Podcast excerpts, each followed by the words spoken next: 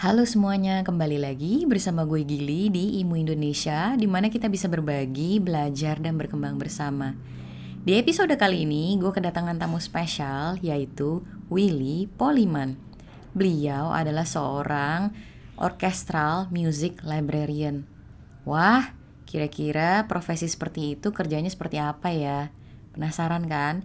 Yuk langsung aja. Satu. Selamat pagi Kak Willy. Selamat pagi, Kak Gili. Kok namanya bisa sama gitu sih? Oke. Apa kabar nih Kak Willy nih? Baik, baik, baik. Kak Gili gimana? Iya, syukur baik-baik juga. Thank you banget ya udah nyediain waktu buat Imu jadi narsum pagi-pagi gini. Sama-sama. Kak Willy nih mau ngobrol-ngobrol dong, pengen tahu nih soalnya. Ini Kak Willy udah sejak umur berapa sih belajar musik nih? Uh, Sebenarnya kalau pertama kali belajar musik itu kira-kira pas masih SMP aja sih. SMP dulu sempat uh, tertarik les piano gitu. Nah dari situ uh, memang tapi juga lesnya nggak lama, kayak nggak nyampe setahun even, cuma sebentar. Hmm. Habis itu uh, belajar-belajar sendiri, terus udah habis itu enggak. Nah kemudian tertariknya lagi di bidangnya uh, paduan suara waktu SMA gitu, diajakin sama temen, uh, yuk ikut nih kita mau awalnya tugas di gereja, uh, tapi yang di sekolah terus habis itu baru deh diajakin lomba-lomba gitu. Dan dari situ benar-benar baru oh mulai wih ternyata seru ya uh, nyanyi di choir gitu. Kayak banyak banget yang harus dipelajari karena saya benar-benar dari nol gitu. Nggak bisa dulu nyanyi aja kayak ah gitu. Gitu. Dari situ baru mulai lulus masuk kuliah juga uh, ngikutnya choir. Nah, di situ baru difasilitasi untuk kursus-kursus di lesin vokal, saya les conducting, ada les teori musik, aransemen hmm. dan lain-lain gitu sih. Ini kalau boleh tahu kuliahnya jurusannya musik juga kah? Enggak, saya dulu ambil komunikasi visual, desain oh. gitu.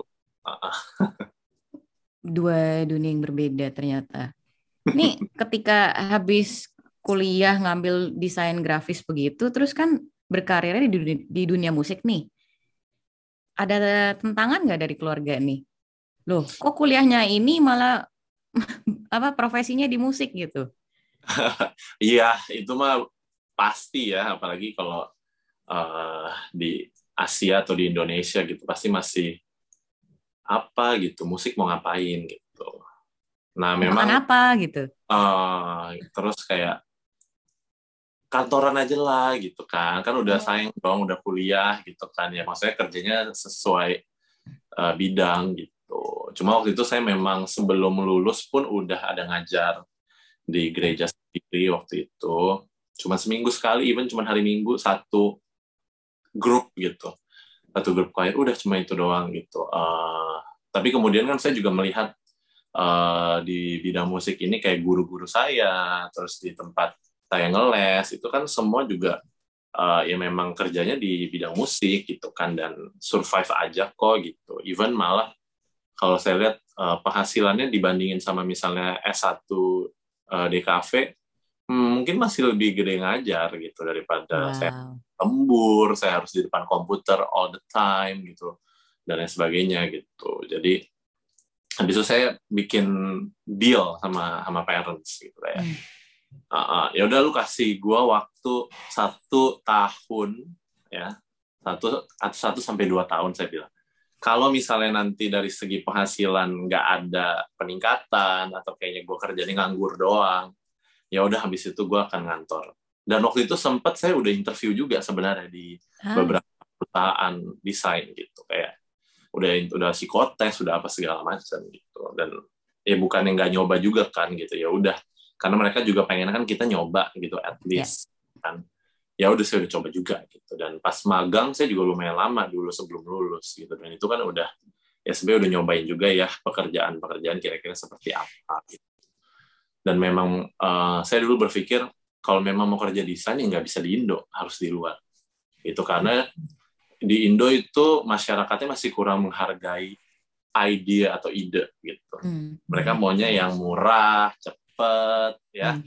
murah cepet uh, bagus gitu sayang sekali di dunia ini nggak bisa mau tiga tiganya gitu kan itu jadi memang udah ah kayaknya gue nggak akan kerja. Kira-kira di semester tiga lah saya udah mikir kayak gue nggak akan kerja di dunia desain sih.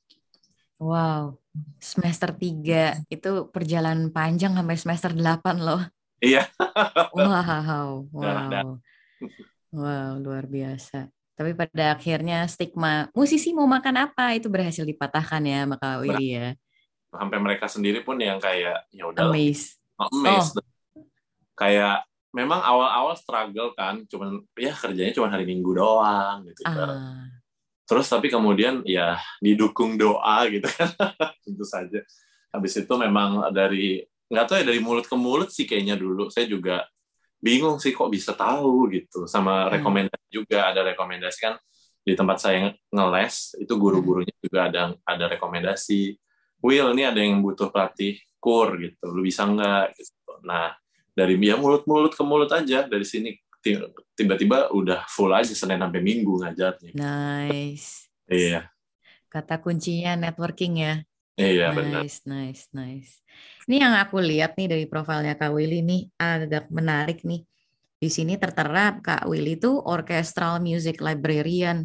Itu sebenarnya apa ya Kak ya? Terus sama nggak sih sama librarian pada umumnya? Hmm.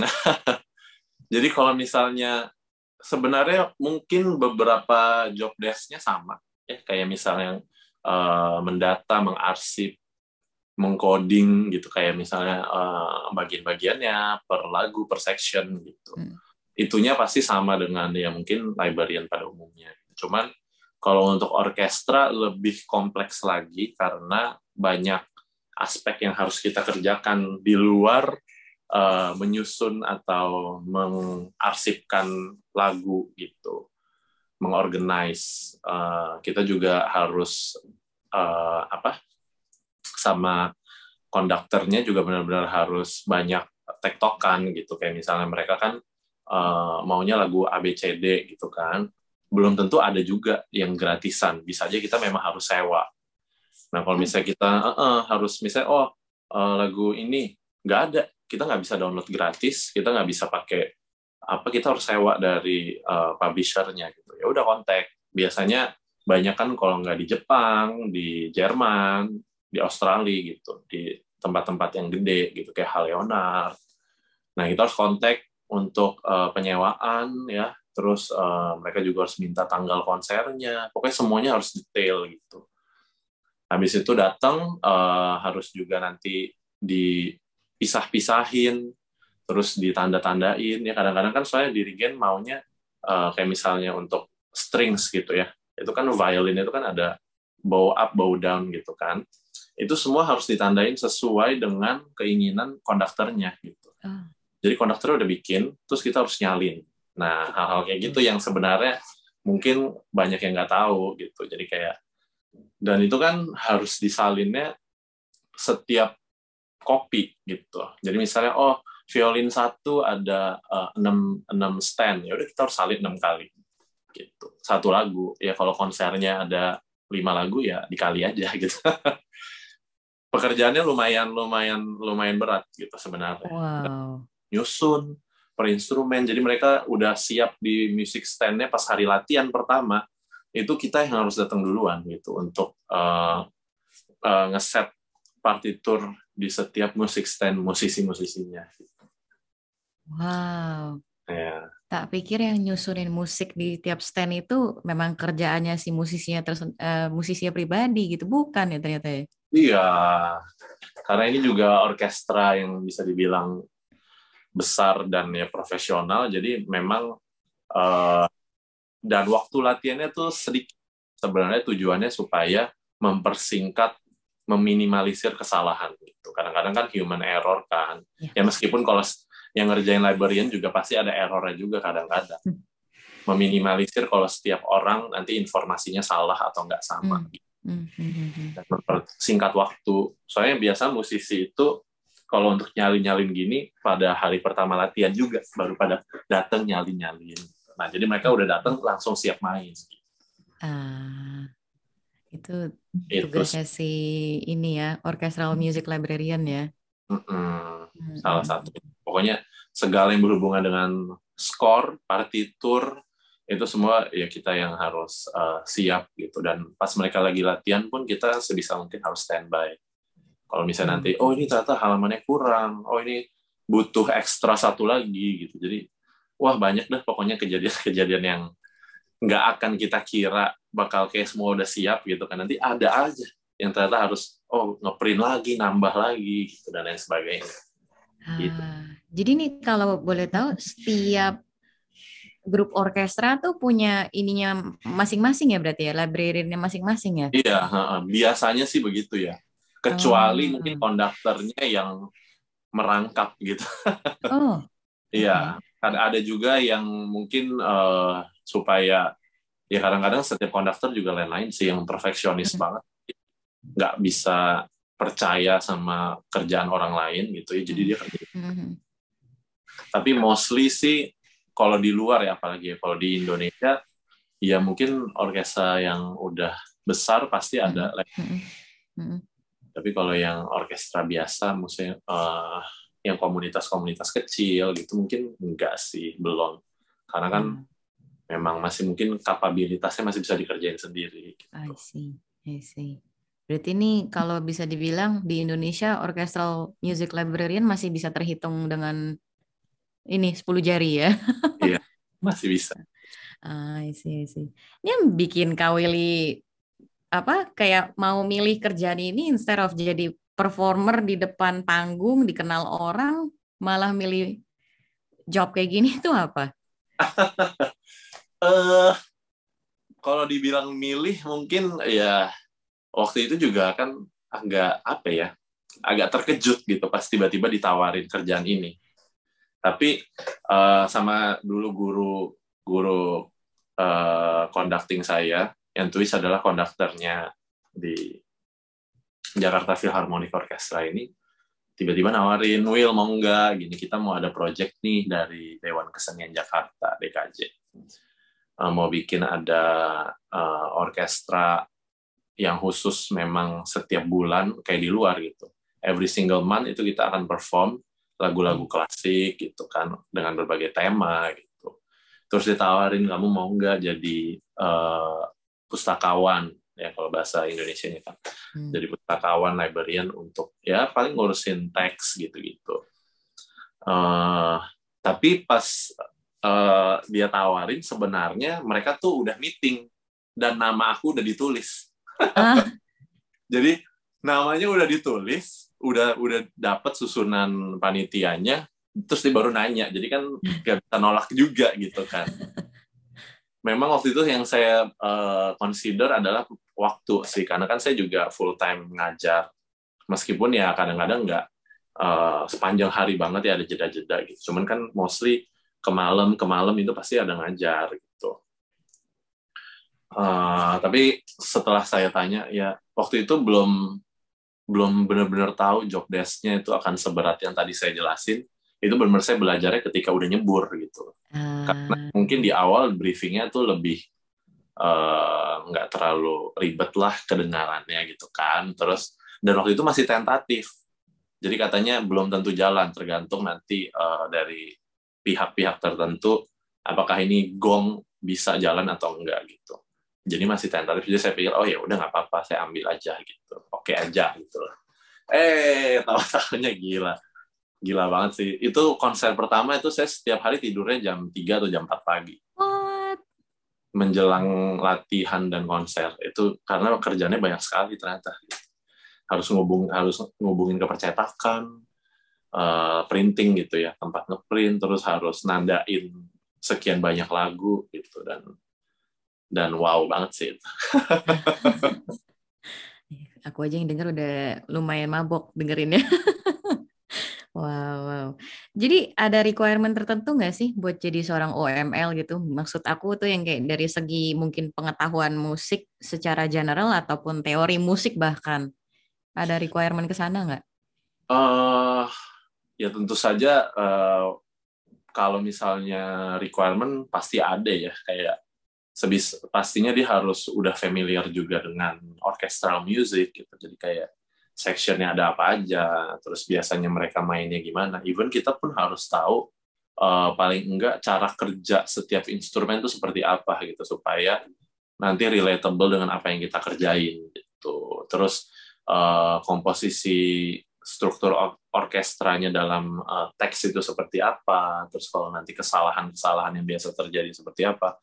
Jadi kita paling nggak harus familiar dengan itu sih. Terus uh, yang pasti juga harus orangnya sendiri itu harus organize. Itu sih yang menurut saya kayak karena saya mungkin guru saya itu tahu kalau saya itu sangat organize orangnya dulu.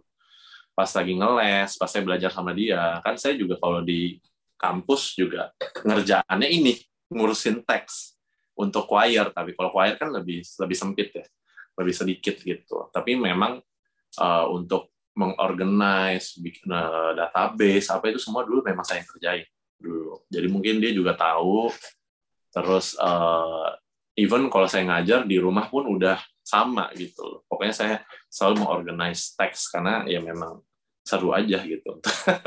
Dulu senang aja ngerjain ya gitu. Kalau berantakan kan pusing ya. Nanti kalau mau nyari-nyari juga pusing gitu. Jadi ya mungkin itu orangnya harus organize dan uh, paling nggak mengerti tentang uh, basic basic basic basic orkestra musik orkestra gitu sih. Nih menarik juga sih kan kerjanya banyak banget, job desknya banyak banget. Ini cuma kerjaan satu orang nih kak. Iya. Gak ada timnya? Gak ada timnya. Jadi saya ngerjain semuanya sendiri sampai bulan keberapa akhirnya saya minta ke uh, panitia untuk minta asisten. Jadi dua uh. librariannya gitu. Nah akhirnya di approve, akhirnya baru saya approach uh, yang kenalan juga, yang saya tahu memang orangnya juga uh, kurang lebih punya ini yang sama gitu kan. Dan sepertinya tertarik akhirnya saya approach dia dan dia oke okay, gitu nah akhirnya baru kita bisa bagi dua dua orang gitu dan lebih ringan Tapi, sih. Untuk orkestra pada umumnya itu library-nya satu atau tim? Biasanya satu. What? Iya, biasanya wow. memang. Jadi bisa dibilang ya memang lumayan bergantung ya. Kalau misalnya saya nggak datang, ibaratnya latihannya akan sulit berjalan gitu. Wow. Apalagi di, di apalagi di latihan pertama khususnya pertemuan pertama. Setelah itu memang mudah gitu. Tapi di pertama itu memang harus uh, saya yang standby duluan gitu untuk memberikan materi gitu sih. Hmm. Terus sama setelah konser itu juga harus dikumpulin lagi karena harus di mereka musisi itu nggak boleh menyimpan karena itu kan kita udah cetak pakai kertas khusus dan lain sebagainya jadi harus kita kolek lagi dan siapa tahu nanti mau dikonserin lagi jadi nggak harus cetak lagi gitu. Ah. Nice, nice, nice. Benar-benar organize banget ya.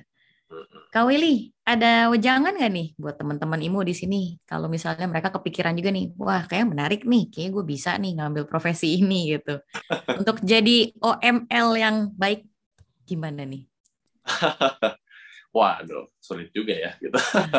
wejangan ya, yang kembali lagi memang harus pang, pertama punctuality sih, ya saya rasa ini nggak nggak cuma di OML tapi di semua bidang ya orang tuh kalau nggak kalau saya pribadi kalau nggak maksudnya saya selalu ngajarin misalnya ke junior junior saya juga atau murid-murid saya itu uh, kalau nggak disiplin soal waktu ya lu nggak akan jadi orang yang dipercaya orang lain gitu atau dipakai dipakai orang gitu. Karena uh, ya karena waktu itu apa ya adalah ya maksudnya menunjukkan lu punya uh, kepribadian gitu loh. Dari hal sesimpel itulah orangnya tepat waktu atau enggak. Jadi tentu saja menurut saya itu yang paling uh, nomor satu. Orangnya tuh harus punctual. Terus yang kedua uh, harus organize juga. Memang seneng karena memang apa ya walaupun kadang-kadang ya bukannya saya juga cinta banget dengan organize gitu enggak juga gitu. saya juga pasti ngedumel juga aduh banyak banget nggak kelar-kelar. Tapi di di apa ya kayak di sudut pikiran itu kalau misalnya nggak beres juga nggak tenang nggak bisa tidur gitu. Jadi memang harus dikelarin dan eh, nggak boleh slip nggak boleh ada yang miss gitu kan.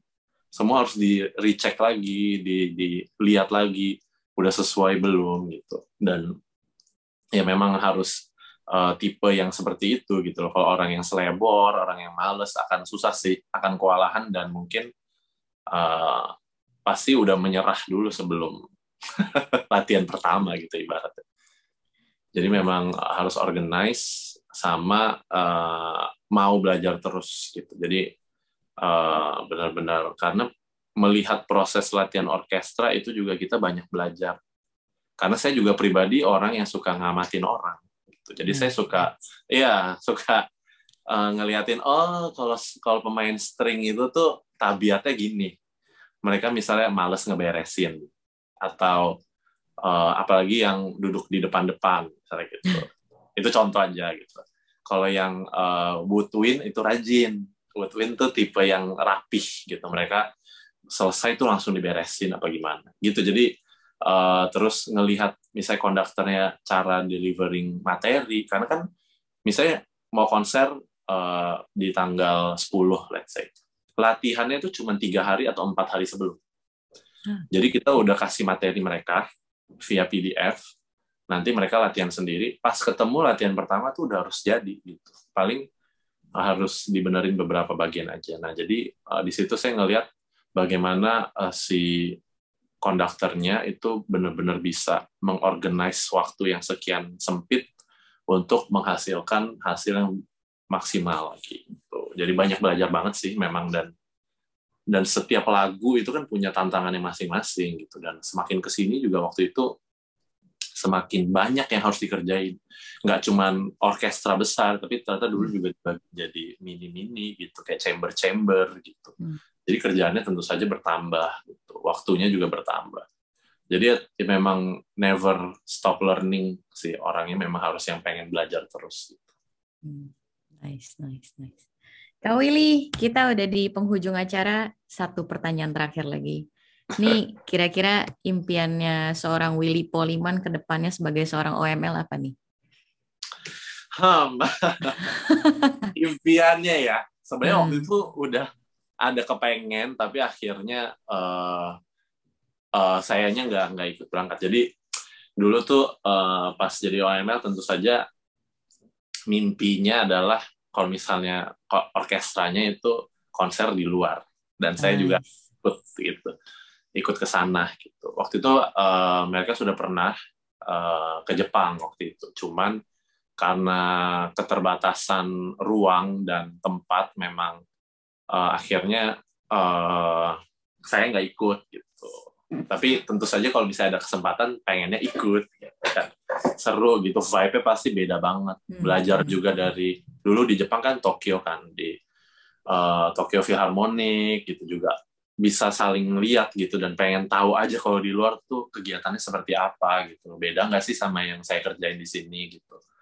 Pengen banget ngeliat di orkestra yang udah biasanya kita cuma lihat di YouTube gitu ini kan bisa lihat langsung. Itu pengen banget sih. gitu. Hmm, nice. Simple nice. aja. Oke, oke. Mudah-mudahan tercapai ya soon ya. Habis pandemi iya. over iya. mungkin bisa terlaksanakan. Kak Willy, thank you banget buat sharingannya, buat ilmunya, buat waktunya. Bener-bener berharga banget buat teman-teman IMU di sini. Ini Kak Willy misalnya teman-teman IMU di sini nanya gitu, Gil, ini dong pengen ngobrol sama si Kak Willy Poliman, mau ngobrol, apa nanya-nanya tentang OML lebih jauh lagi. Bisa hubungin Kak Willy ke mana? ke mana ya gitu. Instagram ya, atau apa gitu? Iya, mungkin di Instagram aja sih. Boleh tolong disebutin? Di Instagram at wipolz belakangnya pakai Z. Oke. W I P O L Z. Ya. Oke, itu teman-teman Imu boleh ya ngedemin kakak ya, misalnya nanti ada pertanyaan. Iya. Oke oke. Sekali lagi thank you banget Kak Willy. Uh, mudah-mudahan tetap sehat, tetap sukses. Ini impiannya akan tercapai soon. Oke, okay, terima kasih untuk teman-teman IMU Indonesia yang telah menonton podcast kali ini. Jangan lupa klik like dan subscribe. Apabila merasakan manfaatnya, silahkan di-share. Dan apabila teman-teman ingin mengikuti perkembangan IMU Indonesia, bisa follow kita di Instagram at IMU underscore Indonesia. Juga bisa di Facebook page kita, Intelligence and Music. Sampai jumpa kembali di episode berikutnya.